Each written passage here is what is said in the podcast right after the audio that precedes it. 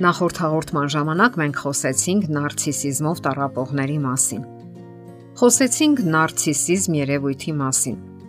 Սա բնավորության գիծ է, որն արտահայտվում է իբրև բացարձակ սիրահարվածություն ինքն իր անձի նկատմամբ։ Խոսեցինք նաև այն մասին, թե ինչպես թույլ չտալ նարցիսներին ձեռնացություն անել ձեզ հետ։ Իսկ դրա համար բավականին գրագետ եւ փորձված եղանակներ կան։ Եթե դուք ցանկանում եք գտնել ձեր կյանքի ընկերոջը եւ երջանիկ լինել նրա հետ, ապա պետք է հետևեք փորձագետների խորհուրդներին եւ դա միայն ձեր օգուտի համար է։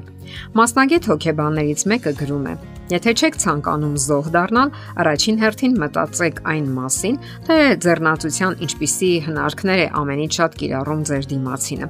Գիտակցելուց հետո գրեք դրանք թղթի վրա եւ ժամանակ առ ժամանակ հիշեք դրանց մասին։ Եթե զգում եք, որ ուր որը ընկնելու եք նրա ծուղակը, հաստատակամ ասացեք ձեզ՝ կանգ առ Մտովի ձեզ քաջալերեք հիշեցնելով, որ բացարձակապես պարտավոր չեք մասնակցելու նրա խաղին, եթե նույնիսկ համառորեն առաջարկում են ձեզ։ Սովորեք ասել ոչ, պարզապես անտեսեք նրան եւ հեռացեք։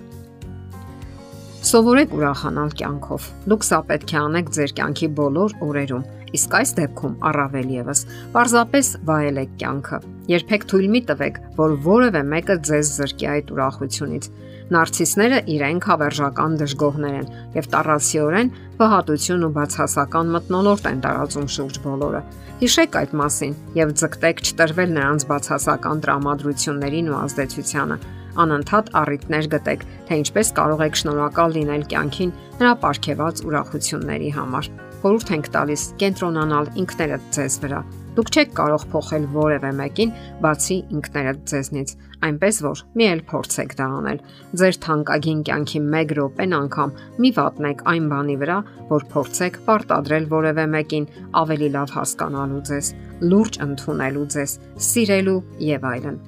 Ավելի լավ է սովորեք հաղթահարել ցավն ու հիասթափությունը, որոնք անխուսափելիորեն առաջանում են նման անհավասարաչափ հարաբերություններում Այո, ձեր կողքինը կարող է մերժել ձեզ, սակայն գլխավորն այն է, որ դուք չմերժեք ինքներդ ձեզ։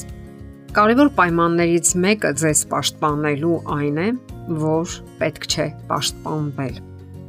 Նարցիսները պարզապես պաշտում են, որ ստիպեն մեզ պաշտպանվել։ Նրանք հարցակվում են հստակ իմանալով մեր թույլ կողմերը։ Եթե նկատում եք, որ սկսել եք արթարանալ, կանգ առեք, խոր շունչ քաշեք, ձեզ հիշեցրեք, որ ոչ մի վատ բան չեք արել եւ հրաժարվեք խաղալ նրա կանոններով։ Այդպիսի մարդիկ այն կարծիքին են, որ դուք վատ մարդ եք եւ ձգտում են համոզել ձեզ դրանում։ Իր հոգեբանական ողջ էներգիան նարցիսը ծախսում է այն բանի վրա, որ ձեզ դատապարտի եւ վերլուծի ձեր վատ որակները։ Դա թույլ է տալիս նրան զգալու իր գերազանցությունը ձեր հանդեպ։ Դա կարող է շարունակվել ամբողջ ժամանակ, քանի դեռ պահպանվում են ձեր հարաբերությունները։ Հիշելով այդ մասին, մի համաձայնեք խաղալ նրա խաղերը։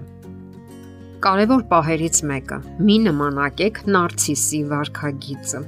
Դուք երբևէ ուշադրություն դարձրել եք, որ ձեզ հետ անպատշաճ վարվողը նաև հրահրում է, որ դուք էլ նման կերպ վարվեք եւ դրսևորեք ձեր բացասական որակները։ Խնդիրն այն է, որ մենք բոլորս էլ շփման ընթացքում անգիտակցաբար նմանակում ենք միմյանց վարքագիծը։ Երբ դուք սկսում եք սարսափելի պահել ձեզ, ճճում եք, վիրավորում, քննադատում նրան, պատճառն այն է, որ հայելու նման արտացոլում եք այն քաոսը, որը տիրում է նրա հոգում։ Դուք ակամա դառնում եք նրա պատճենը, Մարդու համար բնական է ժամանակի ընթացքում ինչ որ ձևով նմանվել նրանց, որոնց հետ սերտորեն շփվում է, սակայն անհրաժեշտ է պայքարել այդ երևույթի դեմ, ուշադրություն դարձնելով այն իրավիճակներին, որտեղ սկսում եք նմանակել դիմացինի վատ թար որակները։ Եթե նկատում եք, որ ձեզ մոտ սկսում են դրսևորվել ձեզ համար ատելի որակները, քննադատությունը, վրեժխնդրությունը, բարկության բռնկումները, տհաճ վերաբերմունքը այլոց հանդեպ, ներել չկարողանալը եւ այլն, սկսեք նպատակային եւ գիտակցաբար ճնշել դրանք։ Դիմադրեք եւ իմացեք, որ մենք հայելային կերպով արտացոլում ենք շրջապատողներին, նմանակելով նրանց վարքագիծը։ Երբ նարցիսը մեզ է վերագրում իր որակները, մենք մեր հերթին սկսում ենք հավատալ, որ ունենք այդ որակները։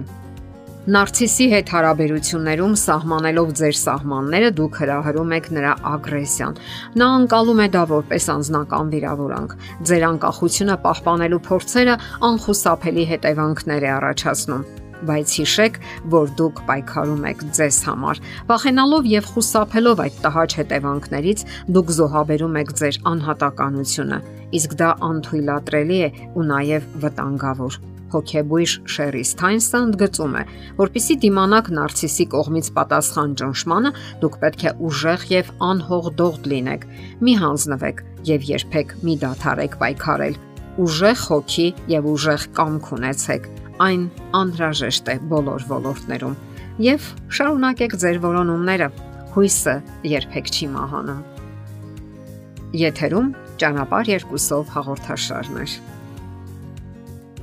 Հարցերի եւ առաջարկությունների համար զանգահարել 033 87 87 87 հեռախոսահամարով։